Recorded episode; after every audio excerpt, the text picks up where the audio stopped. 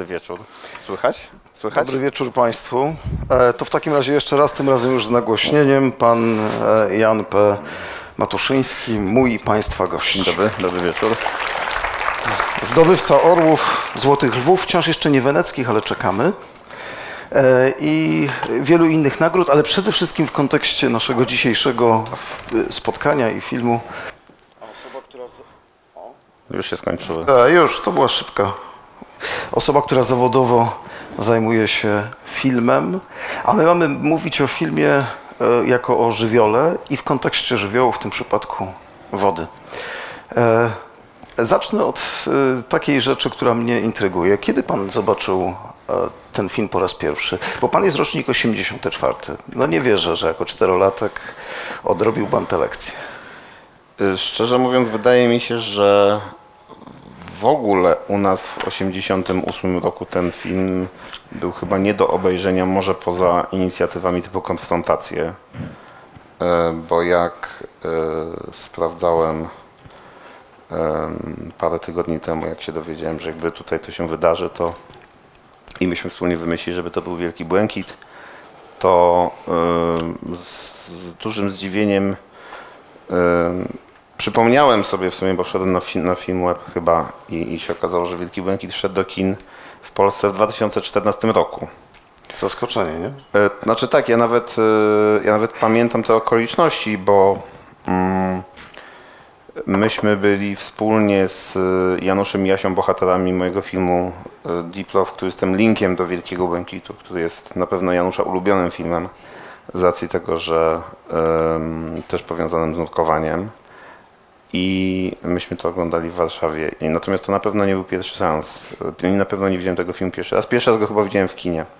I to też w tej samej wersji dłuższej. Em, wydaje mi się, że musiałem ten film zobaczyć na VHS-ie z wypożyczalni gdzieś w latach 90. Pamiętam, że było wydanie takie podwójne, gdzie był Wielki Błękit i Atlantis, czyli dokument, który zrobił Besson parę lat później, w 90 chyba pierwszym albo drugim roku. To jest dokumentem mm, jakby eksplorującym jeszcze bardziej głębie oceanu, Ocean. zwierzęta i tak dalej, i tak dalej. Co teraz jesteśmy do tego przyzwyczajeni, bo mamy dostęp do tych wszystkich National Geographic rzeczy i tak dalej, ale wtedy to było coś zupełnie niezwykłego, pamiętam. I byłem zawiedziony, że to jest dokument i że tam właściwie nic się nie dzieje, bo to no, gówniarzem byłem wtedy. E, Natomiast tutaj w tym kinie Kosmos widziałem na pewno Leona Zawodowca e, w kinie. E, I też na pewno tu widziałem piąty element, który, który, który też jest z żywiołami zresztą em, związany. No to ja miałem taką historię, że Leon, Metro i na koniec wskoczył Wielki Błękit. I też byłem zaskoczony tym, co właściwie się wydarzyło na ekranie i co zrobił, bo to jest 168 minut i wydaje się, że to jest bardzo dużo e, i wydaje się, że niewiele się dzieje tak naprawdę. Czy w sensie to wszystko jest takie e, ulotne, takie właśnie płynne, a tymczasem 168 minut mija bardzo szybko. Co z tego filmu e, zapamiętał Pan przy pierwszym jego oglądaniu? Co Pana uderzyło? Co zachwyciło? Znaczy, ja muszę powiedzieć, że ym, no to jest taki film, który na pewno jest jednym z niewielu przykładów, na pewno z tamtego okresu kina, który y, mówi o wodzie w ogóle w takim szerszym, y, głębszym, choć to głupio w kwestii wody brzmi, znaczeniu, nie? E, Drugim takim filmem, o którym pomyślałem później w kontekście tych pokazów tutaj, ale już było za późno, żeby zmieniać, to jest e, również niekrótki film Otchłań Jamesa Camerona, który e, bardzo zawsze lubiłem. Zresztą oprócz tego, że to też o wodzie, też bardzo nietypowy sposób, też film mający wiele różnych wersji montażowych, em, co, co z kolei ja zawsze lubiłem śledzić. Na pewno ta scena, która zresztą jest na. Nie wiem, czy tu jest tak. No to, to jest jakby to, co jest tutaj, nie? czyli ta, ten sufit wypełniony wodą. To jest coś takiego, co mi utkwiło, no bo z filmu, z dobrych filmów to zostają albo obrazy, albo najczęściej sceny i emocje. No i em, ja ten film widziałem będąc e, e, no, co najwyżej nastolatkiem. No i zakończenie tego filmu na pewno było czymś, co było, co, co ja musiałem zinterpretować w dosyć niejednoznaczny sposób, bo to zakończenie jest z drugiej strony naturalne dla tego rodzaju środowiska, a z drugiej strony jest przecież w sumie tragiczne, ale jednocześnie piękne, więc trochę nie do końca wiadomo, co o tym myśleć. No chyba, że się ogląda wersję e, Amerykańską. amerykańską z amerykańskim dubbingiem, e, gdzie na końcu Jacques Mayol wypływa z delfinem na powierzchni, sobie skaczą, chyba jeszcze nawet z zachodzącym słońcem w tle. E, I zupełnie inną muzyką. Ponieważ A, no właśnie, bo Eric Serra tak. zupełnie się Amerykanom nie spodobał. Za sentymentalny, za romantyczny, za nie wiadomo jaki właściwie. A oni chcieli, żeby to było tak, że wszystko ma być jasne. Ja muszę powiedzieć, że jak oglądałem ten film wtedy, w tym 2014 roku i chyba później, no to ten film się na pewno trochę zestarzał właśnie pod kątem ścieżki dźwiękowej. To znaczy ta ścieżka dźwiękowa mi przeszkadzała w oglądaniu. Pamiętam jak oglądałem go pierwszy, drugi raz, kilka razy wracałem do, do tego filmu, to nie miałem takiego odczucia, a właśnie e, te, te parę lat temu już kwestia tej estetyki e, jeśli chodzi o, o, o- muzykę w tym filmie, gdzieś nie do końca mi odpowiadała. Natomiast no jest to świetnie. e, Luc Besson, szczególnie w latach 90. i pod koniec lat 80., ten, jakby na tej pierwszej części jego, jego kariery filmowej, on naprawdę potrafił fantastycznie opowiadać filmem. I to widać tutaj w em, jeśli chodzi o w ogóle wchodzenie w świat, którego właśnie nikt nie zna, bo bardzo mało było w ogóle filmów o, o nutkach, a o nutkowaniu bezdechowym to w ogóle nie pamiętam żadnego filmu fabularnego. To prawda, chociaż Francuzi mają dość długą tradycję e, z racji na Jacques'a Cousteau eksplorowania wody, świata podwodnego i robienia o tym filmów.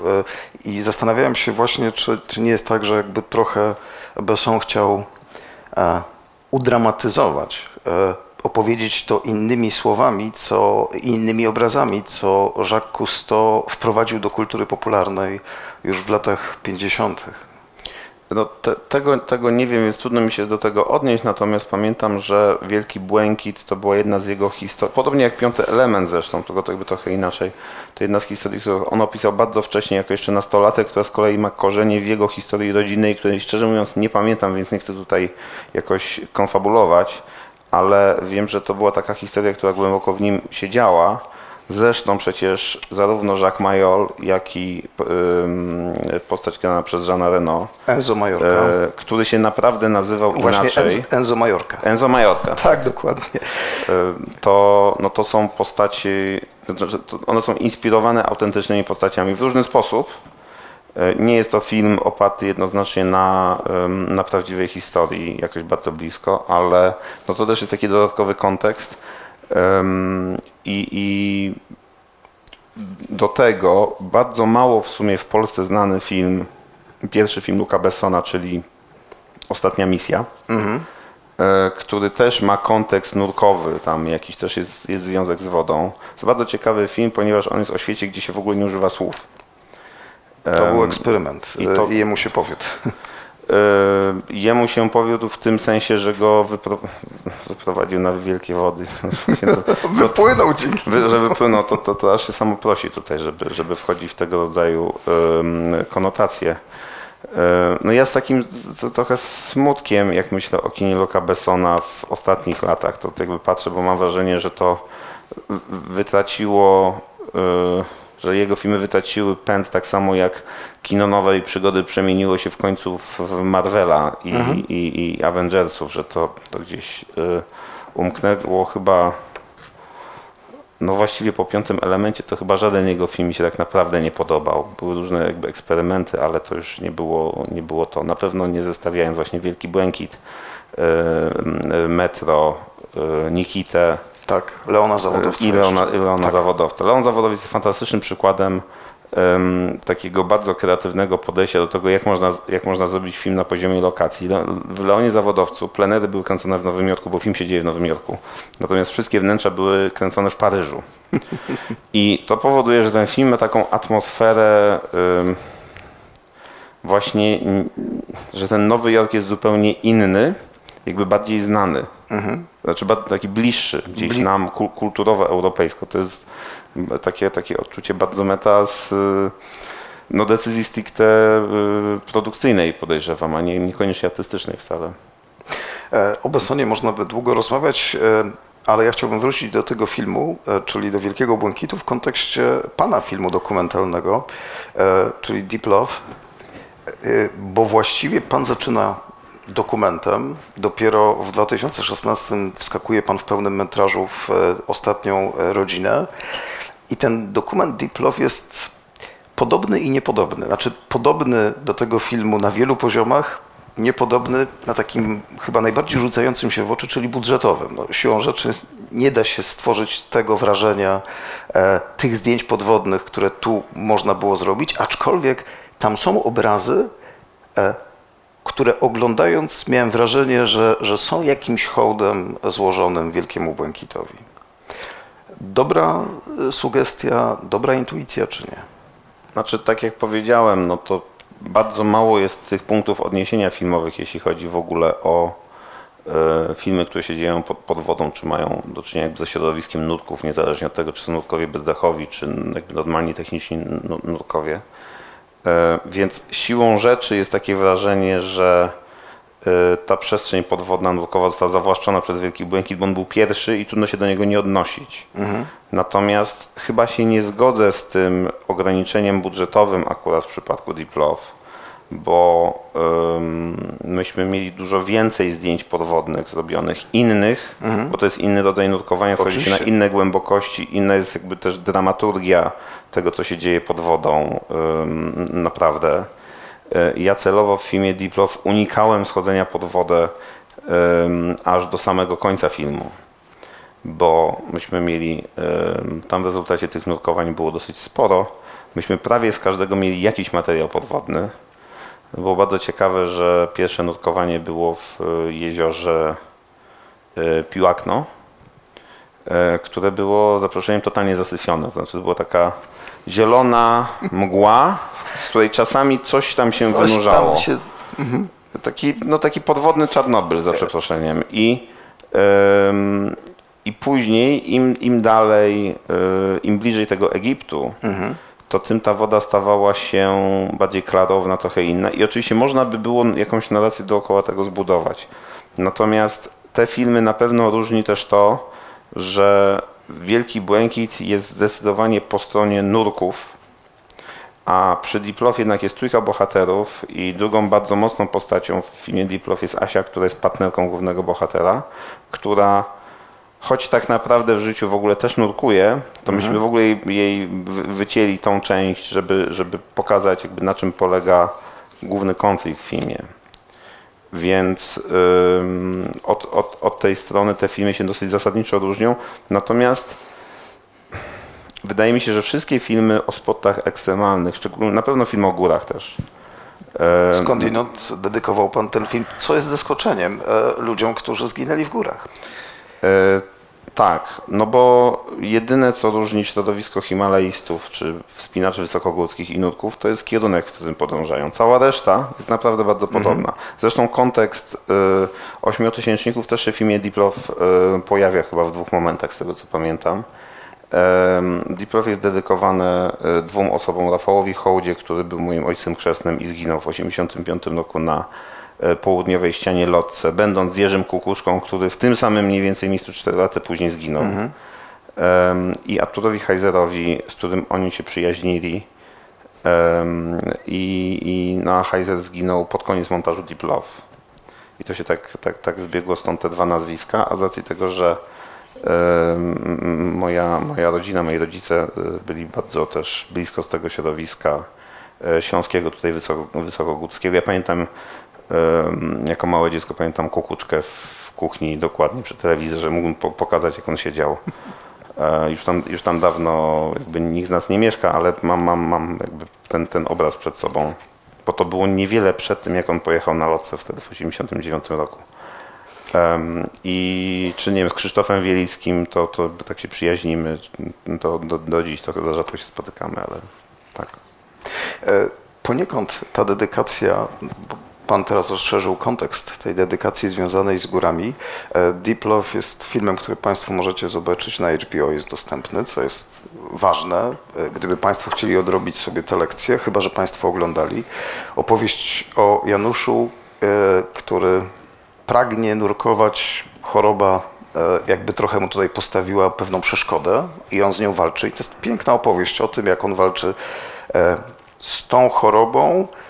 Poniekąd też walczy trochę z Joasią, która chce całkiem, bo powiedziałeś, że ona jakby reprezentuje ten świat, świat z powierzchni, więc jakby tutaj jest to napięcie ale szukając wypowiedzi związanych właśnie z tą taką pasją, która sprawia, że ludzie albo wchodzą na szczyty, albo e, zanurzają się w głębiny, trafiłem na wypowiedź Enzo Majorki, mhm. która jest poniekąd jakby mm, taką e, wyjaśnieniem i puentą do, te, do, tej dedykacji, do tego filmu. Bo on powiedział w pewnym momencie w jednym z wywiadów coś takiego, pływamy w morzu, by odnaleźć coś, co umyka nam na powierzchni. I tyle. I nic więcej nie chciał tutaj dodać. Albo ktoś to rozumie, albo ktoś tego nie rozumie. Najczęściej bliscy tego tego e, nie rozumieją i tutaj zaczyna się dramat. Ale e, twój film Deep Love i, i, i Wielki Błękit, one są podobne, one mi się kojarzą poprzez właśnie to zmaganie z tym pytaniem po co? Znaczy, po co ja to robię? E, czy nie mogę się zatrzymać właśnie na 20, na 30 metrach? Dlaczego muszę schodzić na 100 i więcej? Chociaż tu w filmie jest przekłamanie, bo Jacques Mayol swój rekord pobił w wieku 56 lat i to było 105 e, metrów, więc e, znacznie mniej niż to, co tutaj zostało e, oznaczone jako 122, ale Besson w wielu punktach tego filmu tak, ale to nigdy nie miał być film oparty na prawdziwej historii, Dokładnie. takim bezpośrednim, więc jakby ja w ogóle nigdy... To jest trochę tak jak rozmowa, skręcę trochę w bok na chwilę, jak rozmowa o filmie Blondynka mhm. E, który, co do którego bardzo wiele osób, ja go widziałem w Wenecji na światowej premierze, mi się ten film bardzo podobał, z jakimiś tam zastrzeżeniami, ale generalnie mi się podobał. I zaraz po seansie już miałem pierwsze rozmowy ten, z, z oburzonymi, i to oburzenie generalnie się sprowadzało do tego, że to nie jest w ogóle Madeline Monroe, że ona taka nie była i tak dalej, i tak dalej. No i ja y, przygotowując się wcześniej trochę na ten film, bo bardzo cenię Andrew Dominika, y, mhm. uwielbiam zabójstwo Jesse'ego Jamesa przez tchórzliwego Roberta Forda, zrobił świetne dokumenty o, o Niku Cave'ie i to jest taki twórca, którego bardzo chętnie śledzę, no to też wiedziałem, że jest to adaptacja książki, powieści, która była inspirowana historią Marilyn Monroe, więc ten poziom filtrowania i odejścia od tych podstawowych, prawdziwych wydarzeń jest dosyć daleki. Przy Wielkim Błękicie wydaje mi się, że jest dokładnie tak samo. Chociaż e, nie wiem, czy pan to, tą informację znalazł, e, Enzo Majorka był bardzo niechętny temu filmowi. E, Enzo Majorka, którego tutaj pod zmienionym zupełnie nazwiskiem, właśnie z tego powodu, że mu się ten film bardzo nie podobał, odgrywa Jean Reno, doprowadził do tego, że sądownie ten film nie miał być grany we Włoszech i nie był grany do 2001 roku, kiedy Jacques Mayol popełnił samobójstwo. I dopiero wtedy e, e, zgodził, się na, zgodził się na to, żeby ten film został pokazany we Włoszech, bo uważał, że e, to jest karykatura Włochów i trochę karykatura tego, e, tego o co mu chodziło w, e, w schodzeniu pod wodę. Że, że to nie do końca tak jest. I postawił na swoim.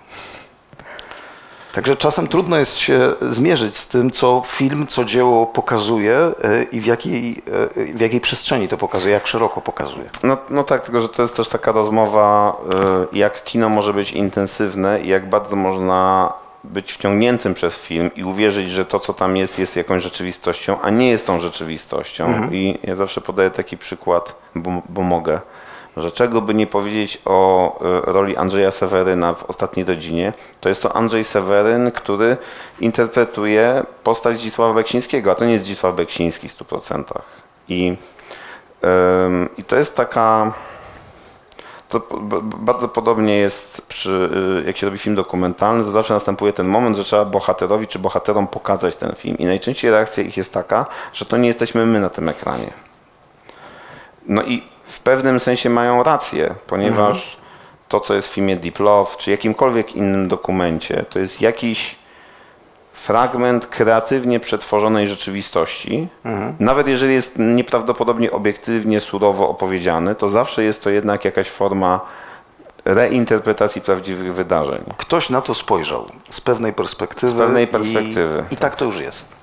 Więc nie ma takiej możliwości, żeby to zostało odtworzone w taki sposób, jak my to pamiętamy. Tak samo jak będąc dorosłym, bardzo trudnym doświadczeniem jest powrót do, haha, to tutaj jest zabawne, do miejsc, y, które się pamięta z dzieciństwa. Bo tutaj już nie ma rzędu 16, gdzie można było najbardziej wyciągnąć nogi. Nie wiem, który tam jest rząd nad, nad wejściem. Który to jest rząd?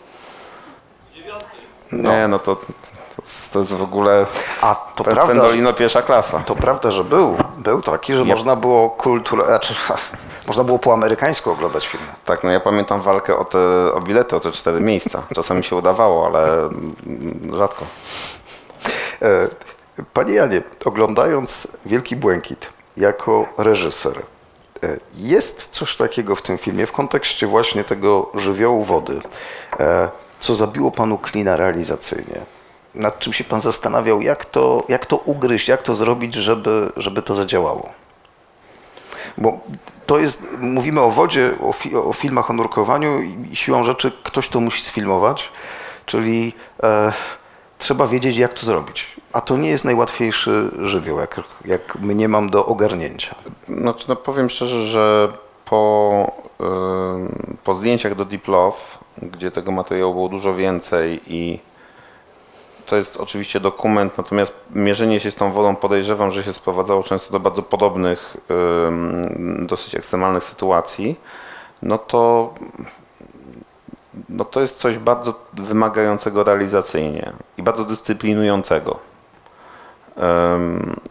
Szczerze mówiąc, do Wielkiego Błękitu nigdy nie siadałem tak totalnie analitycznie pod kątem warsztatu, bo z jednej strony mam do tego filmu po prostu sentyment i uważam, że on jest piękny i nie chcę go w związku z tym rozbierać na Rozkręcać. części pierwsze, bo bym zobaczył e, więcej takich rzeczy, jak to, że mnie trochę muzyka Eryka Sery już irytuje. Myślę, że to, to, to, to by, mogłoby tam być dużo więcej tych rzeczy. To, co mnie e, zawsze interesowało w kontekście tego filmu, no to jest to, że są trzy wersje montażowe i każda z nich jest trochę inna. Na całe szczęście Państwo obejrzeli tą najlepszą. Znaczy, według mnie, to nie jest tylko moja opinia, ale, ale tu doświadczenie wersji tej amerykańskiej, którą kiedyś obejrzałem bez uprzedzenia, że to jest ta, w związku z tym, jak usłyszałem, że oni mówią po angielsku, znaczy są dubbingowani po angielsku i faktycznie była inna muzyka, teraz jakoś mi się otworzyła ta, ta klapka, no to to był inny film. I Mm, I to tak realizacyjnie patrząc, czy po, po, z perspektywy reżysera, to, to jest taka rzecz, która mi się kojarzy z tym filmem zdecydowanie. Ym, natomiast no, nigdy go nie rozbierałem jakoś tak bardziej. Ym, też powiedzmy sobie szczerze, że 88 rok to był, jeżeli chodzi o sposób realizacji niektórych scen efektowych przede wszystkim tutaj, zupełnie coś innego. Je, ja z racji tego, że bardzo lubię grzebać w tym rzemiośle, oglądać making-offy i tak dalej, i tak dalej, no to, no to też wiem mniej więcej, jak różne rzeczy są, są robione, jak były robione w latach 90., jak są, robione teraz też.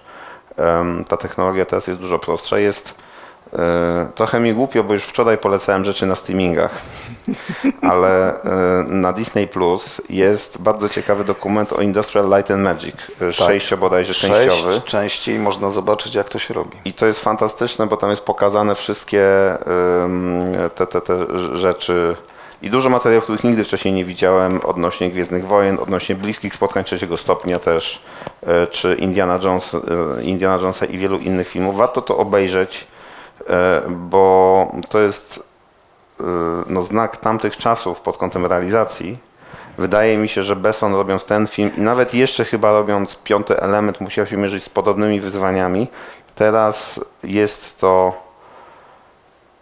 dużo bardziej chyba dostępne i mm, myśląc z bardzo umiarkowanym entuzjazmem o nadchodzącym za tydzień chyba nowym awatarze, e, no to tak się zastanawiam, jakie wyzwania technologiczne miał przed sobą James Cameron, bo pamiętam, jakie miał przed pierwszym. I pamiętam, jak się mierzył też przy okazji Titanica, co było jakby jeszcze wcześniej. I teraz mam takie poczucie, że to już nie robi aż takiego wrażenia, bo już myśmy wszystko widzieli i bardzo trudno jest zadziwić. Jestem przekonany, że w tym 88 roku, czy nawet później oglądając Wielki Błękit na, na VHS, no to ten film robił wrażenie, ponieważ wchodziło się w świat, którego się wcześniej nie widziało. A, a, ten, e, a ta rzeczywistość filmowa dzisiejsza no jest tak już rozbudowana i technologicznie zaawansowana, że strasznie trudno jest nas zaskoczyć. Być może stąd się bierze e, pewna popularność wzrastająca nurtów które stara, w kinie, które starają się stawiać na oszczędność. Właśnie wobec, w kontrze niejako do tego rozbuchania obrazu, który nie jest, że to nie tylko, że on jest hiperrealistyczny, e, on po prostu się tak bardzo odkleja od rzeczywistości w pewnym momencie, że tworzy zupełnie własną, zamkniętą. E, a my byśmy czasem chcieli owej prostoty. I, i wydaje mi się, że, że to troszeczkę w tę stronę nam e, zmierza. No, e, Luc musiał przetestować różne wersje rzeczywistości, także takiej byśmy powiedzieli filmowej, żeby stworzyć to, to co stworzył. Ciekawiło mnie, dlaczego tą wersję wydłuża. Znaczy, nie miałem okazji porównać E, tych trzech wersji ze sobą, żeby zobaczyć, gdzie, e, gdzie, gdzie i na co on stawiał akcent. Pan się temu przyglądał od tej strony? E, dlaczego wydłużył do 168? Bo do kin wchodził jako 130-minutowe. To nie, musiał nie, te 30 nie, nie robiłem minut aż takiej, aż takiej analizy. Wydaje mi się, że ta decyzja mogła być uwarunkowana w podobny sposób, bo to mówimy o pierwszej połowie lat 90., bo to nie jest związane bezpośrednio z premierą, tylko to się pojawiło znowu w erze VHS. I było parę takich filmów, dużych, ważnych, dobrych, ciągle do, do oglądania. Jeden to był na pewno Łowca Androidów, o którym jest piękna książka tutaj w sprzedaży zresztą, i który miał wersję tą reżyserską, która tak naprawdę dopiero odczarowała ten film i ten film wreszcie zaczął zarabiać, ale dlatego, że to chyba miało premierę pewnie w Stanach kinową ponownie w 90, mhm. nie wiem, drugim roku mniej więcej chyba. No i, i u nas weszło to na, na, na VHS-ie, pamiętam. To nie przeszkadzało później Ridleyowi Scottowi zrobić jeszcze finalną wersję reżyserską i wersji Łowcy Androidów jest chyba z pięć. To był, to był jeden taki film. Drugi taki film to jest Bliskie Spotkanie Trzeciego Stopnia właśnie. Mhm. E, I tu wiem więcej na temat tej historii, ponieważ Spielberg, jak robił Bliskie Spotkanie Trzeciego Stopnia, to bardzo chciał się wyrobić do Cannes Festival. W związku z tym, czy musiał, albo musiał się wyrobić na premierę amerykańską. I nie skończył tego filmu, w sensie nie zrobił tam wszystkiego tego, co, co potrzebował na poziomie montażu, chyba też na poziomie efektów. I później rozmowa z wytwórnią wyglądała tak, i to mówimy o Stevenie Spielbergu, który już był po szczękach, już to był czas y, po Gwiezdnych Wojnach, więc te nazwiska już wtedy bardzo były, no jakby mhm. najfajniejszy czas w kinie amerykańskim w ogóle. Wtedy. I miał argumenty. E, wydawało się, natomiast no, y, wytwórnia i dystrybutorzy powiedzieli mu, dobra, ok, możesz skończyć ten film, zrobić nową wersję, ale musisz nam dać coś więcej. Czyli jeżeli jest tu ktoś, kto nie widział bliskich spotkań trzeciego stopnia, bardzo mi jest przykro. Będzie spoiler z końcówki. Tam na końcu ląduje statek kosmiczny. No i y, Spielberg się zobowiązał, że ok, poprawi to, co on tam chciał zrobić, ale musi pokazać wnętrze statku. No i to był błąd. To błąd na poziomie y, wypłynięcia na powierzchnię w Wielkim Błękicie mniej więcej. Mhm. Y, I na początku lat 90 wrócił do tego filmu, bo już był Stevenem Spielbergem z perspektywy no dobra, niech będzie Jurassic Park i listy Schindlera, bo raczej nie Hooka i Always, bo to nie był najlepszy moment w jego mhm. karierze, ale taki, że, że był sens powrotu, no i zrobił taką wersję, e, która jemu najbardziej odpowiadała, która funkcjonuje jako wersja reżyserska, czy ta wersja tam, nie wiem, Extended Edition. E, I to wszystko się działo mniej więcej w tym samym czasie i wydaje mi się, że to było powiązane bezpośrednio z wydawaniem filmu na nowym nośniku, czyli na VHS-ie, mhm. znaczy, który już wtedy nie był nowy, ale wtedy była największa ekspansja tego. Później przy okazji DVD też parę filmów również dostało tego typu tego typu do, takie dodatkowe traktowanie, dodatkową wersję. I najciekawszy, bo wczoraj miałem takie pytanie, od, od pana, który pamiętał Wielki Błękit, tą wersję kinową pierwszą i pierwszy raz zobaczył to i powiedział, że ona jest za długa i że jakby coś pomiędzy by się przydało, no to ja jakby zwróciłem się w żywcu do Luka Bessona, którego nie było niestety na sali. E, Przypadek. I, ale zasugerowałem, że jeżeli ktoś mu może przekazać i być może ktoś z Państwa może mu przekazać, że jakby poszedł tak śladem Kopoli, trochę tak jak z czasem Apokalipsy, gdzie Coppola zrobił wersję tą czas Apokalipsy Powrót, która była świetna, bo była dłuższa o 50 minut, ale była za długa i później zrobił ostateczną wersję montażową tego, znaczy do tej pory ostateczną, która jest dłuższa od tej wersji kinowej, ale krótsza od tej wersji powrót. To, że prawdopodobnie ten Wielki Błękit wtedy mógł być najlepszy. Czyli wszystko przed nim. Ale y, pytam o to dlatego, bo miałem zawsze takie przekonanie, ale być może jest to europejskie przekonanie, że jak już e, jest się reżyserem i robi się ten film, to zasadniczo po jego zrobieniu e, uznałbym, że to jest e, dzieło skończone. E, ale tak nie jest. Zawsze jest jakaś chęć e, poprawy, zmienienia czegoś. E, Z czasem pojawiają się nowe, nowe pomysły. I gdzieś w kontekście tych właśnie różnych długości Wielkiego Błękitu chodziło mi to, chodziło mi to po głowie. Myślę, że to nie jest kwestia chęci, tylko możliwości. To znaczy, yy, jeżeli jest taka sytuacja, myślę, że to też się tyczy muzyki i płyt. Yy, To akurat, yy, jeśli chodzi o Toma Waitsa, to wiem, że była parę lat temu reedycja jego płyt yy, robiona i był taki remastering i on w rezultacie jedną płytę, chyba płytę Real Gone, zmiksował w ogóle całą od początku. Bo Bo mógł. Nie dlatego, Właśnie. bo chodziło o to, żeby odnowić te jakby jakościowo to, przystosować nowych technologii i tak dalej, i tak dalej. Wiadomo, to, to można robić co mniej więcej 10 lat i zarabiać na tym pieniądze na zasadzie takiej jak Disney do niedawna co jakiś czas wracał z Bambi do kina na przykład. Słusznie, bo to dobry film.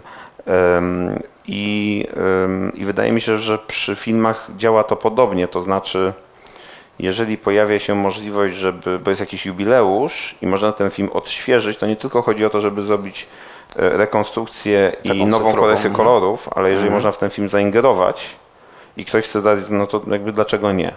To pojawia się wtedy problem oczywiście, która, film, e, która wersja filmu jest ta, nie wiem, właściwsza, ta, do której się bardziej przyznaję. Ja nigdy nie stanąłem przed tego typu sytuacją, aczkolwiek przy filmie, żeby nie było śladów, który co prawda jest trochę krótszy od tej wersji Wielkiego Błękitu, ale ciągle ma 2,40, e, no to myśmy nakręcili, ponad, mieliśmy wersję montażową, która była w około 4 godzin. I był taki pomysł, żeby zrobić z tego miniserial. I no ja tak trochę przyklasnąłem temu, bo wydawało mi się, że to może być ciekawe i moglibyśmy te piękne sceny, któreśmy nakręcili, po prostu wykorzystać, żeby nie leżały odłogiem. To była bardzo piękna scena wywiadu Barbary Sadowskiej dla zagranicznych dziennikarzy, która była odtworzeniem prawdziwych materiałów, jedynych materiałów wideo z Barbarą Sadowską, takich większych. I to by pokazało też tą postać z trochę innego ym, z trochę innej perspektywy, przepraszam, no ale nie ma takiej możliwości, więc wydaje mi się, że to bardziej o to chodzi. No z drugiej strony Denis Villeneuve, który zrobił sequela e, Blade Runnera, bardzo zresztą dobrego według mnie, to no, zarzekał się właśnie mając na uwadze, że Blade Runner ten oryginalny ma tych wersji 5 i one są wszystkie dostępne w, w, w takich tak limitowanych boksach. Włącznie z tym, że tam jest wersja taka bardzo wczesna montażowa no to, no to oczekiwanie było chyba takie, że jak sequel, no to będzie przynajmniej 15 wersji montażowych tego filmu. On powiedział, że nie, że on robi jedną, to jest wersja reżyserska i nie, ma, nie będzie żadnej innej wersji. I chyba to też zależy od twórcy, tak mi się wydaje. Ja, ja mogę powiedzieć, że poza jakby tą, tą sytuacją, żeby nie było śladów, ale to była rzecz, która była związana w, jakby w trakcie montażu filmu pod koniec, więc ten film nie był jeszcze skończony, no to ja nie chcę wracać do tych filmów, znaczy rozgrzebywać to, wolę robić nowe, jeśli, jeśli tylko jest taka możliwość. My cały czas e, krę, kręcimy się wokół Bessona, wokół e, wyzwania, bo wyzwania, jakie stawia Wielki Błękit, bo ten film faktycznie w latach 80.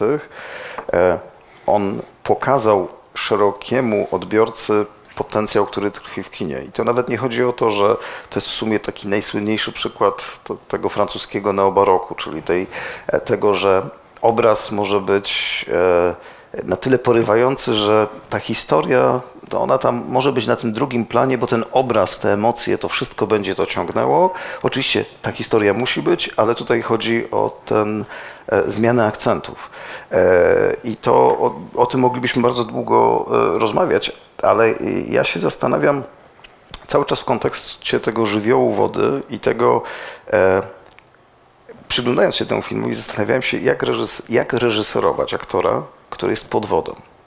Jak w ogóle to wykombinować e, i na ile to, co się dzieje tam pod wodą, jest tak naprawdę już niezależne od reżysera. To znaczy, no, trudno przerwać, trudno podpowiedzieć, e, trudno coś tutaj zmieniać. E, Tym bardziej, że warunki czasem wymuszają wzięcie tego, a nie innego dubla. Chyba, że jest jakiś inny sposób, żeby to ominąć.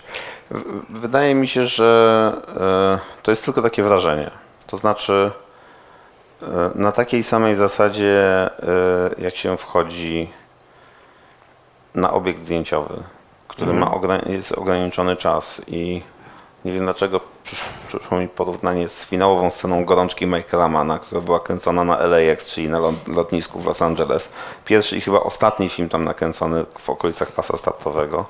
No to pomimo tego, że w filmie, że to jest pojedynek dosłownie w tej sekwencji pojedynek między Robertem De Niro i Alem Pacino, więc trudno jakby celować wyżej, więc powinny być możliwie jak najwięcej opcji dostępnych. No to oni mieli bardzo ograniczony czas możliwości, nie mogli świecić e, światłem filmowym i mieli jakby zawężony ten teren. I no, trzeba się do tego dostosować. Wydaje mi się, że robiąc zdjęcia podwodne, to się wydaje, że to jest dużo bardziej ekstremalne i ma się dużo mniejszy wpływ. Oczywiście e, ciało ludzkie porusza się inaczej pod wodą, sposób komunikacji jest inny. Natomiast jestem przekonany, że akurat taki film jak Wielki Błękit miał te środki na tyle em, zapewnione, że nie trzeba było robić jednego dubla i się zawijać, bo zachodziło słońce, że raczej to było dużo, dużo bardziej przygotowane. I mm, ja pamiętam przy, przy Diplow, który jest dokumentem, myśmy całą sekwencję podwodną mieli w rezultacie rozrysowaną na storyboardach. Czyli mieliśmy dokładnie kadry narysowane, pomimo tego, że to był dokument. Można było sobie na to pozwolić, ponieważ nurkowanie i myślę, że nurkowanie bezdechowe podobnie. Można bardzo precyzyjnie przewidzieć, co się będzie działo i gdzie. Ze względu na to, no, że przegłębianie się, czy jakby obniżanie, e, schodzenie coraz głębiej, no to jest coś, co wi- wiadomo, że na e, 10 metrach człowiek się może czuć tak, na 20 tak i tak i tak. I mm, w związku z tym ilość, ilość rzeczy, które się może wydarzyć, jest w jakiś sposób do przewidzenia. Ograniczona. Jest pewna struktura. ograniczona, tak. I oczywiście może być tak, że się wydarzy coś niebezpiecznego, ktoś się zacznie topić, yy, utopi się albo nie, trzeba go będzie gwałtownie wyciągać, albo nie i tak dalej, i tak dalej. To są, wszystko sytuacje, które są do jakiegoś stopnia do przewidzenia. Yy, Myślę, że w dużo większym stopniu niż na tym lotnisku w Los Angeles paradoksalnie. Yy, No i ja zawsze mówię, że robienie filmu to jest przede wszystkim przygotowywanie się wcześniej i przewidywanie przyszłych em, problemów em, różnego rodzaju i e, oni na pewno mieli szkolenia z tego. Na pewno się przykładali, wiedząc, że to jest sport ekstremalny, więc zawsze jest coś takiego, że aktorzy i ekipa się bardziej motywują, jak są trudne zdjęcia. Z mojego doświadczenia e, z planów filmowych wiem, że wcale nie najtrudniejsze są te sceny, które są y, na papierze czy w założeniu realizacyjnym najbardziej skomplikowane, najtrudniejsze. Nie wtedy się zdarza na, najwięcej jakichś pomyłek, omsknięć, tylko przy tych scenach, które są drugie, trzecie w kolejności, bo wtedy ekipa nie jest tak zmotywowana i traci czujność. Y, I wydaje mi się, że to nie jest kwestia tylko planów y, u mnie, czy planów w Polsce, tylko to jest w ogóle coś, co jest niezależnie od tego, gdzie się kręci. Nie mam takiego w ogóle poczucia, żeby w Wielkim Błękicie była scena pod wodą, która by z jakiegoś powodu została puszczona czy nakręcona y, na szybko, czy nie jest wystarczająco zrealizowana, znaczy zgodnie z, potrzebami czy z założeniem reżysera, czy w mniejszym stopniu zrealizowana zgodnie z założeniem reżysera niż jakakolwiek scena, nie wiem, dialogowa. Bo myślę, że oni to wiedzieli, szczególnie, że Besson ma ten kontekst jakby prywatny, y, autobiograficzny w tej historii, więc był na pewno bardzo wyczulony na to. Myślę, że też tutaj, bo to jest dość istotna kwestia, żeby e, to przypominać, e, że film jest jednak sztuką, która jest sztuką kooperacyjną, to jest prawda, ale też sztuką zależną od środków finansowych, a ten film e, był w latach 80. absolutnym rekordzistą francuskim, więc i też środki, które znaleziono na jego zrealizowanie były odpowiednio duże. Chociaż paradoksalnie, jak się te kwoty porównuje z tym, co dzisiaj na tak wystawne widowiska się zużywa, co się przeznacza, no to to właściwie był prawie że mikrobudżet. Ale, ale też muszę powiedzieć, że ni- ni- niestety kino skręciło w taką stronę, że kino europejskie, a przecież Besson jest reżyserem europejskim, em, ono niestety poszło bardzo mocno w stronę wizerunku, bo to nawet nie chodzi, że nie ma filmu, tylko w wizerunku, że to są filmy artystyczne, które są raczej na festiwale. Udało się bardzo konsekwentnie, nie wiem jak, nie wiem czy to jest y, konsekwentna działalność dużych studiów amerykańskich, czy może czegoś innego, y, wyciąć w ogóle takie naprawdę duże kino europejskie widowiskowe, którego głównym nazwiskiem zawsze będzie chyba Besson, bo to i Wielki Błękit i Piąty Element przede wszystkim, który był szalenie drogim filmem, jak na ten 96-7 rok. To był zdecydowanie najdroższy film europejski, budżetowo prawie na tym samym poziomie co kino mm, amerykańskie.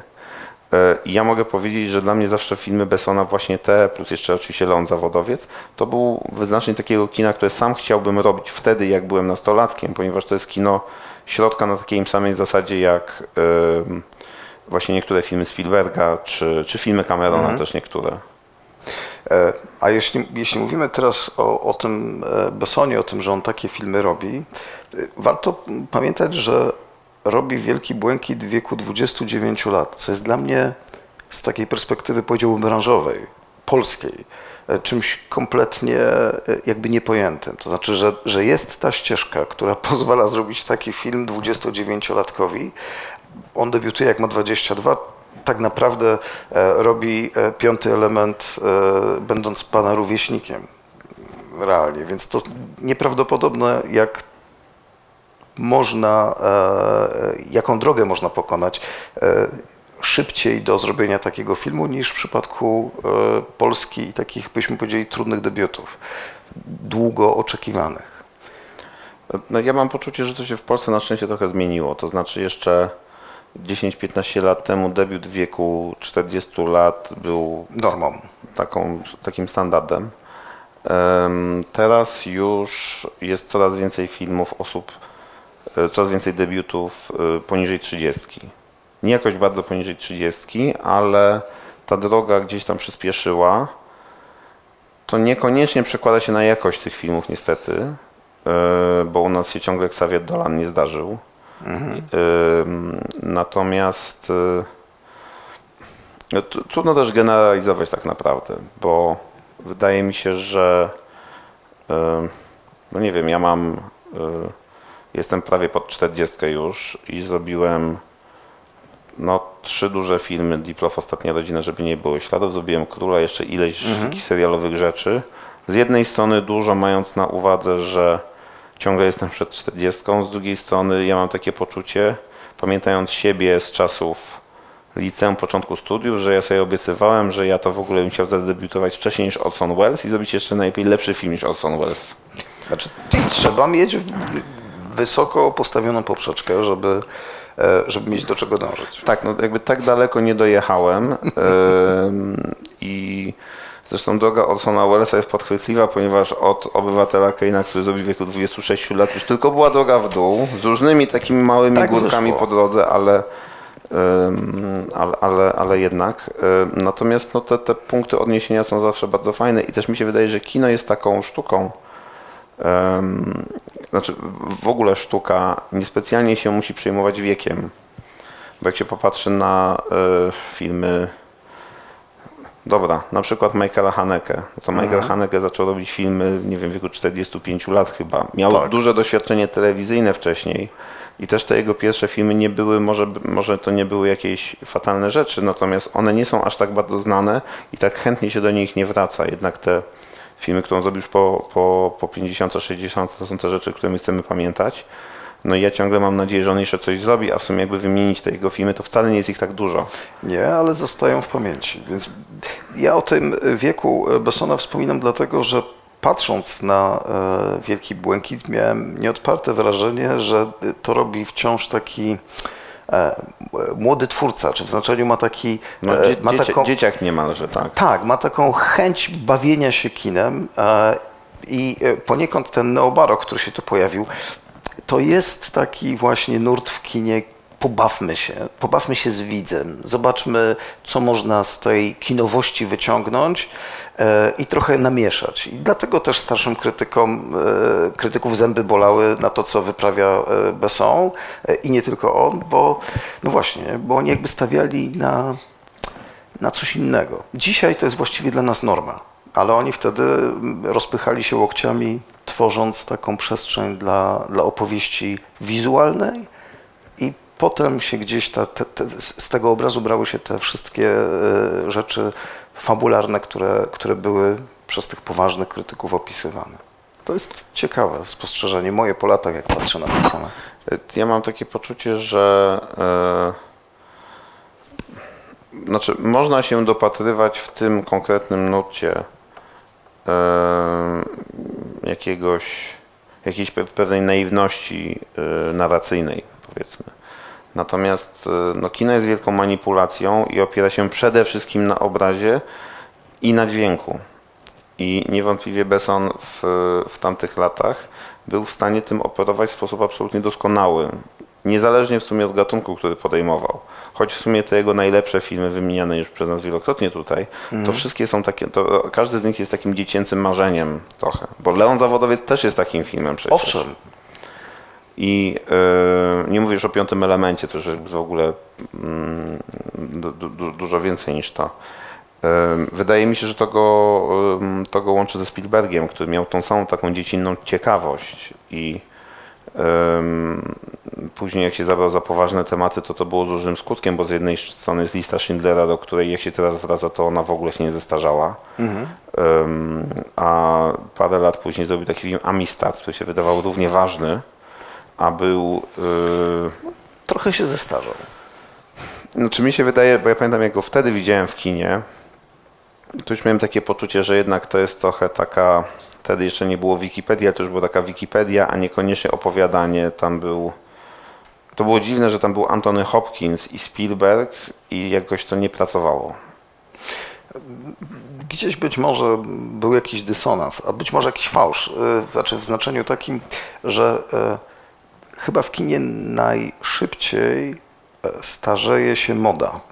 E, I jak jest moda na coś, żeby to wykreować, to potem po latach się okazuje, że jak ta aura, e, w której film powstawał, ona jakby przestała funkcjonować, to i film przestał funkcjonować. I ja oglądając Wielki Błękit zastanawiałem się właśnie, czy on przetrwa próbę czasu, bo on powstał w bardzo konkretnej rzeczywistości filmowej, ale też e, rzeczywistości społecznej. To mnie zaskoczyło w ogóle, że Jacques Chirac, kiedy e, e, Jacques Mayol popełnia samobójstwo, to Jacques Chirac mówi, że to jest najlepszy i najbardziej reprezentatywny przedstawiciel pokolenia Wielkiego Błękitu. I jak on to mówi, to znaczy, że to jest szersze zjawisko niż tylko to, że Besson zrobił film, że ten film jakby komentował jakąś rzeczywistość zupełnie pozaekranową e, i pozwalał się identyfikować ludziom e, młodym e, z tym, co świat pod koniec lat 80. nie tylko we Francji im oferował. Znaczy, wydaje mi się, że my nie jesteśmy się w stanie tutaj za bardzo do tego odnieść, czy z tym zidentyfikować, bo mieliśmy wtedy inne problemy. Inną rzeczywistość. Inną rzeczywistość. I szcz- szczególnie pod koniec lat 80. wydaje mi się, że no nie wiem, ja z dużym zainteresowaniem oglądałem, e, e, znowu się odwołam do streamingu, serial The Crown, gdzie, no nie wiem, pamiętam z dzieciństwa Margaret Thatcher jako taką figurę, natomiast jak, e, e, jak e, w ten, teraz jest piąty sezon, to był czwarty sezon, tak, no to jak tam te wydarzenia z lat 80. nagle zaczęły wyskakiwać, to e, było to bardzo takie mi nieznane. Ym, Myślę, że tak samo nieznane jak to, jak z Andrzejem Sewerynem przygotowując ostatnią rodzinę, tłumaczyłem mu o co chodzi z tym, że Tomek Beksiński czyta napi- tłumaczenie filmu Szpieg, który mnie kochał, bo on w ogóle tego nie rozumie, ponieważ dla niego ten film, przez to, że mieszkał przez 30 lat w Paryżu, to on był normalnie na Champs-Élysées w kinach do obejrzenia, jak każdy inny film. E, No i to jest coś, co kino może trochę przeskoczyć, e, ale tylko do pewnego stopnia, bo nie wiem, jedynym takim filmem, który gdzieś łączy te dwie rzeczywistości, e, to jest Goodbye Lenin. To jest jedyny taki przykład, który jestem w stanie w tej chwili przywołać, który gdzieś jest właśnie trochę w jedną i drugą stronę, no bo cały pomysł na tą historię, który jest tam przedstawiony, bierze się właśnie z tego Z zestawienia. tego tak, z połączenia tych światów. Czyli z oszustwa, czyli jest to automatyczny film o kinie po prostu. E, Nie, zda, nie zestarzał się Wielki Błękit. w tym kontekście jakby y, tej próby czasu, z Pana perspektywy? No, mam takie poczucie, że on... Oprócz oczywiście, że tego, że Eric Sera i tam muzyka, to... Chociaż powiem Panu, że oglądałem to i mówię, kurczę, to pasuje do tego obrazu, to pasuje do tej bombastyczności. E, Tak, to może ta bombastyczność się trochę. To bombastyczność jest dobre określenie. E, że to może to się troszeczkę. no to już nie jest takie, takie modne dziś, chociaż tak jak zacząłem sobie myśleć, że rzeczywistość dookoła, to nie jestem aż tak przekonany, że to straciło w ogóle e, Na sens. uroku.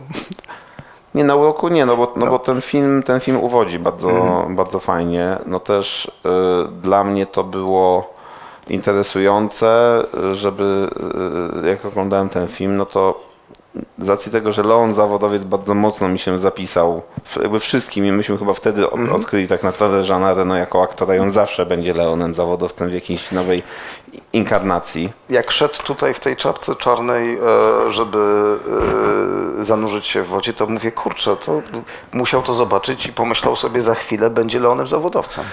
I no, no tak, bo zresztą w Nikicie, z tego co pamiętam, on gra tego czyściciela, który sprząta po źle wykonanych. Yy, A to jest mo- możliwe, tak. ale nie, nie pamiętam tego. Tak, tak. Znaczy w sensie nie pamiętam tego bohatera, ale I wydaje mi się, wydaje mi się, więc to może być kompletnie w ogóle wyssane z palca, że postać Leona Zawodowca wzięła się z Nikity, że w pewnym sensie Leon jest spin-offem tej Nikity do jakiegoś tam do jakiegoś tam stopnia. Natomiast no, po obejrzeniu Leona Zawodowca jakiś czas, dobra, jakie są inne filmy Luca Bessona, jest Wielki Błękit, no to bardzo trudno jest ten dysonans tak sobie skompensować szybko przecież. No bo to jest zupełnie inną, in- jest to zupełnie inna postać. I y, to jakby odwołam się do takiego branżowego żartu, komplementu, właśnie tak nikt do końca nie wie, bo e, często na imprezach, nie wiem, na festiwalach filmowych zdarzają się takie sytuacje, mi, ale generalnie wszystkim, że ktoś rozmawia z jakimś aktorem i aktorką i się orientuje, aha, ja cię nie poznałem. Jest takie poczucie e, takiego dyskomfortu, że ktoś kogoś nie poznał na ekranie albo mm, w życiu, w rzeczywistości. A ja uważam, i to nie jest tylko moja opinia, że to jest największy komplement dla aktora z kolei, w ogóle dla kreacji. Jeżeli się widzi że jest rozłączność. tak, ja, ja pamiętam do, do, dosyć dobrze moment. Zawsze po zdjęciach jest tak zwana impreza po zdjęciach, gdzie wszyscy się spotykają po to, żeby odreagować.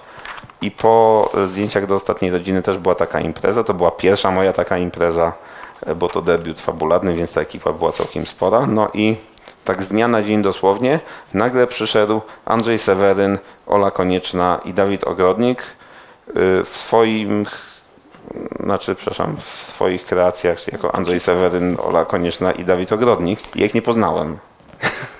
Jak, na, znaczy, na, naprawdę jak ich zobaczyłem, to potrzebowałem tak z dwie minuty, żeby się odbić od tego, bo e, Ola od razu się właściwie przefarbowała na blond ze względu na kontynuację w, na wspólnej chyba, tak mi się wydaje.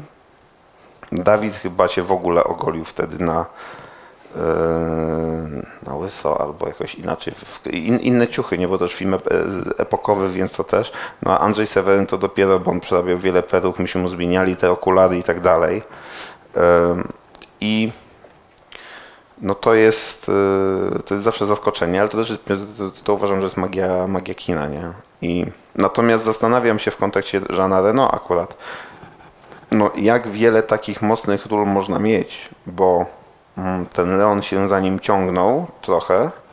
Później on próbował czegoś innego i ja szczerze mówiąc pamiętam go z bardzo przewrotnej w kontekście Leona zawodowca roli w filmie Ronin, em, gdzie grał takiego szemranego, y, płatnego zabójcę w sumie.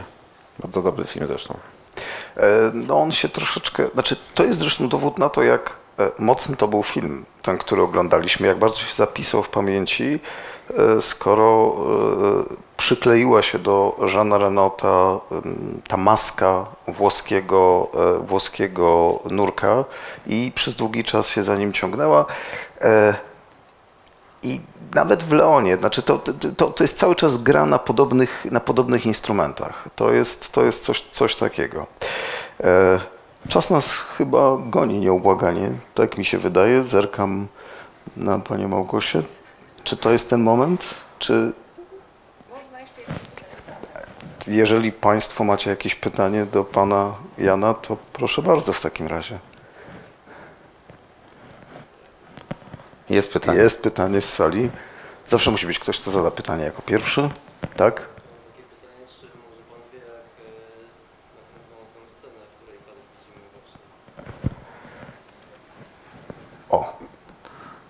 Czyli Tom z e, e, spokojem. Szczerze mówiąc, nie wiem.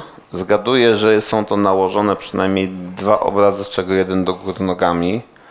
W jakiś sposób wypreparowany. Tu się znowu odwołam do tego e, serialu dokumentalnego Industrial Light and Magic, bo tam widać wyraźnie, że pewne technologie, które, których jakby świadomość myśmy e, jakby odnotowali dopiero na przełomie wieków, chyba że to było dużo wcześniej znane. I wydaje mi się, że Wielki Błękit to też jest taki film, który z tych technologii musiał po jakiej, do jakiegoś stopnia korzystać.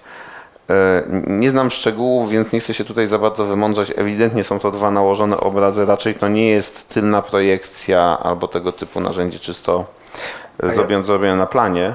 Ym, Natomiast przy bliskich spotkaniach trzeciego stopnia było tak, że oni bardzo długo szukali tych rozwiązań, jak zrobić to jakby lądowanie tych chmur i tak dalej. Wtedy w ogóle nie było tego rodzaju technik y, komputerowych jeszcze. One się pojawiły w latach, na początku lat 80., właściwie pierwsze. I E, Oni to robili filmując na bardzo takim e, dużym zbliżeniu różnego rodzaju reakcje chemiczne. I to później podkładali. I mm, bardzo często w kinie to oszustwo polega na tym, że perspektywa czy różnica w skali powoduje, że my się czujemy e, bardzo oszukani. To naj, największą klasyką to jest sytuacja, w której ktoś komuś ma strzelić w głowę z pistoletu, bo to jest kwestia tego, że to się nie mierzy, przepraszam, że wymierzę tu, tylko to się mierzy tu, a w kamerze wygląda jakby to było dokładnie w głowę. I tego rodzaju ym, patentów inscenizacyjnych jest bardzo dużo. Mam takie poczucie, że Luc Besson y, to jest jeden z twórców, który też szukał tego rodzaju rozwiązań. Zresztą wydaje mi się, że to jest domena każdego świadomego reżysera, który chce y, dosyć szeroko opowiadać. Stanley Kubrick przecież jedynego Oscara, którego dostał, to za efekty specjalne do Odysei Kosmicznej 2001, co Co jest pomst, wołaniem o pomstę do nieba, ale faktycznie doceniono to. Ale odpowiadając na pytanie, y, bo ja mam swoją teorię na temat tego, y, tego zdjęcia. Jak zobaczyłem to ujęcie, przypomniałem sobie takie doświadczenie, nad morzem są te odwrócone domy.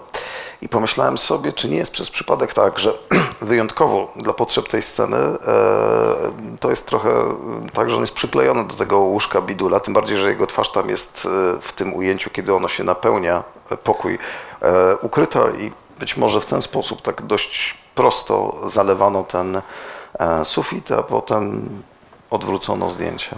Podejrzewam, że do każdego z ustawień kamery była inna technologia. Znaczy Są było inne, rozwiązanie trik, i inne dlatego to się rozwiązanie składa. tego problemu, oczywiście. Bo y, no to tak jakby zawsze jest, że z każdego kąta kamery to wygląda trochę inaczej, więc można inne rozwiązania ym, stosować.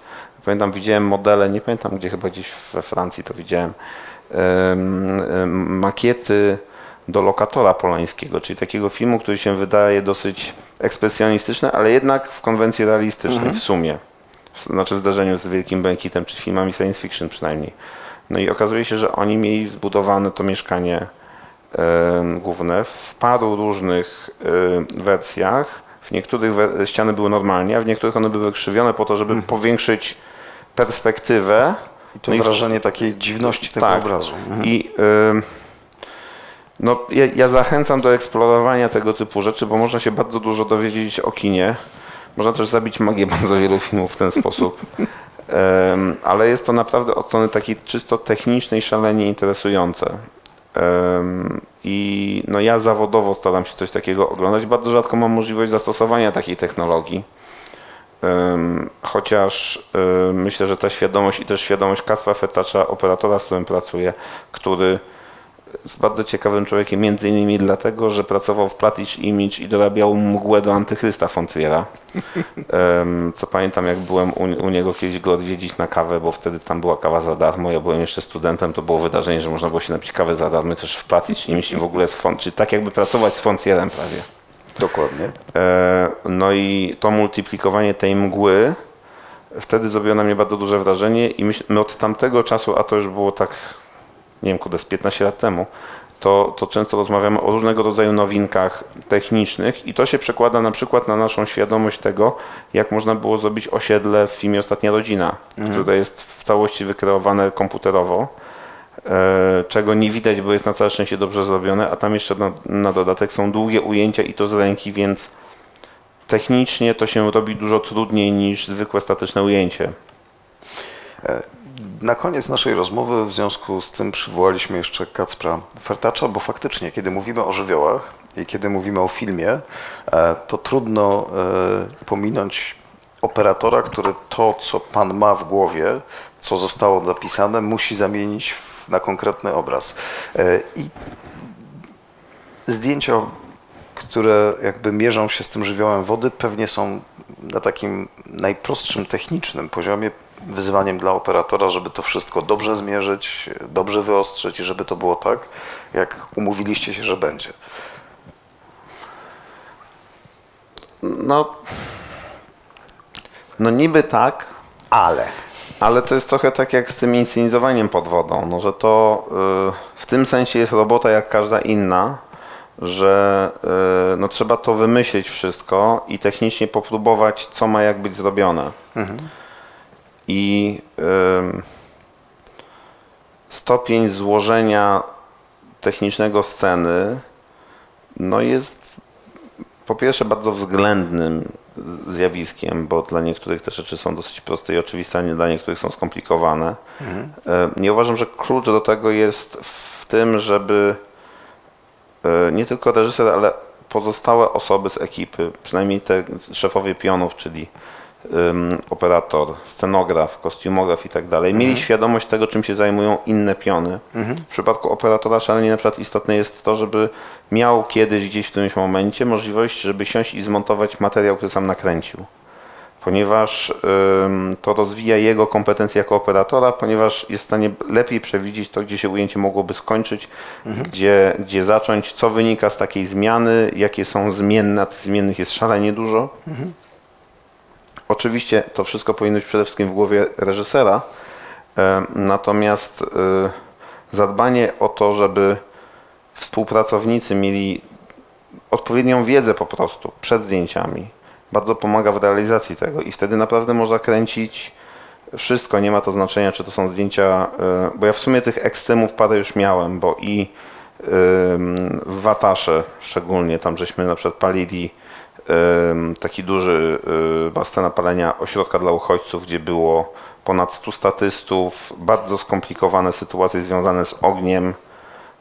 Ym, W Watacha ta sama to jest też minus 23 w nocy w Bieszczadach. I trzeba być też szalenie precyzyjnym, żeby y, po pierwsze nikt nie zamarzł i żeby się nic nie stało, no po drugie no naprawdę chce się tam być możliwie jak najkrócej, a zrobić jednocześnie jak najlepsze sceny, one wcale nie były takie proste. Też wszystkie sceny bójek, które były w Królu, nie, nie ma to znaczenia, czy to jest bójka na ulicy, czy to jest walka bokserska. No to wszystko wymaga bardzo po prostu precyzyjnego przygotowania, rozrysowania, opisania i wtedy wydaje mi się, że mm, zadając sobie odpowiednio wcześnie te pytania, na przykład jak wyostrzyć ujęcie pod wodą, bo oczywiście to ostrzenie wygląda trochę inaczej. Czy też technologia, my robiąc Deep Love kręciliśmy pod wodą czy w wodzie na siedmiu różnych kamerach. Nie mam na myśli mo- konkretnych modeli, yy, znaczy tej- siedem- tej samej kamery, tylko siedem różnych y, nośników, bo to była czasami kamera lżejsza, czasami Mhm. to było zwykłe GoPro, które jest w małej ilości, ale jest w, w filmie, a czasami filmie. to była z- y, y, normalna kamera, wtedy jeszcze nierównorzędna do tych kamer do fabuł, ale prawie bardzo, bardzo bliska. No niektóre rzeczy się kręci na parę kamer i to jest wszystko, no wymaga szczegółowego przygotowania i to jest jedyne rozwiązanie, uważam, na tą sytuację. E, I tu postawimy kropkę. E, A puentą do tej historii, bo e, wyszliśmy od żywiołu wody, przeszliśmy przez różne żywioły, głównie te związane jednak z wodą, bo gdzieś to się ta nasza rozmowa wokół tego kręciła, ale chciałbym zakończyć tymi słowami, które temu projektowi e, żywioły kina e, towarzyszy. To są słowa Władysława Hasiora, że piątym żywiołem jest ludzka zdolność do fantazjowania i literalnie z niej wynika potem to wszystko, co dzieje się w tych innych czterech nam znanych żywiołach. Dzisiaj rozmawialiśmy o wodzie, a przewodnikiem po tej przestrzeni filmowej był Jan P. Matuszyński. Dziękuję za czas Dziękuję. poświęcony. Ja chciałem trochę w odpowiedzi jednak jeszcze na to Mhm. powiedzieć, że pierwsza rzecz, jak ja usłyszałem o żywiołach kina, to mi się od razu skojarzył Kapitan Planeta, Słusznie. gdzie tym piątym było serce, więc to nie jest dalekie od tej myśli. Y, Nie, ale inaczej zupełnie na ekranie było pokazywane, to prawda. I przypomniałem sobie teraz, że oglądałem Kapitana No Planetę. właśnie, ciekawe jak to się zestarzało. Myślę, że bardzo. Może następna w takim razie projekcja to Kapitan Planeta. Wielkie brawa dla naszego gościa. Dziękuję bardzo.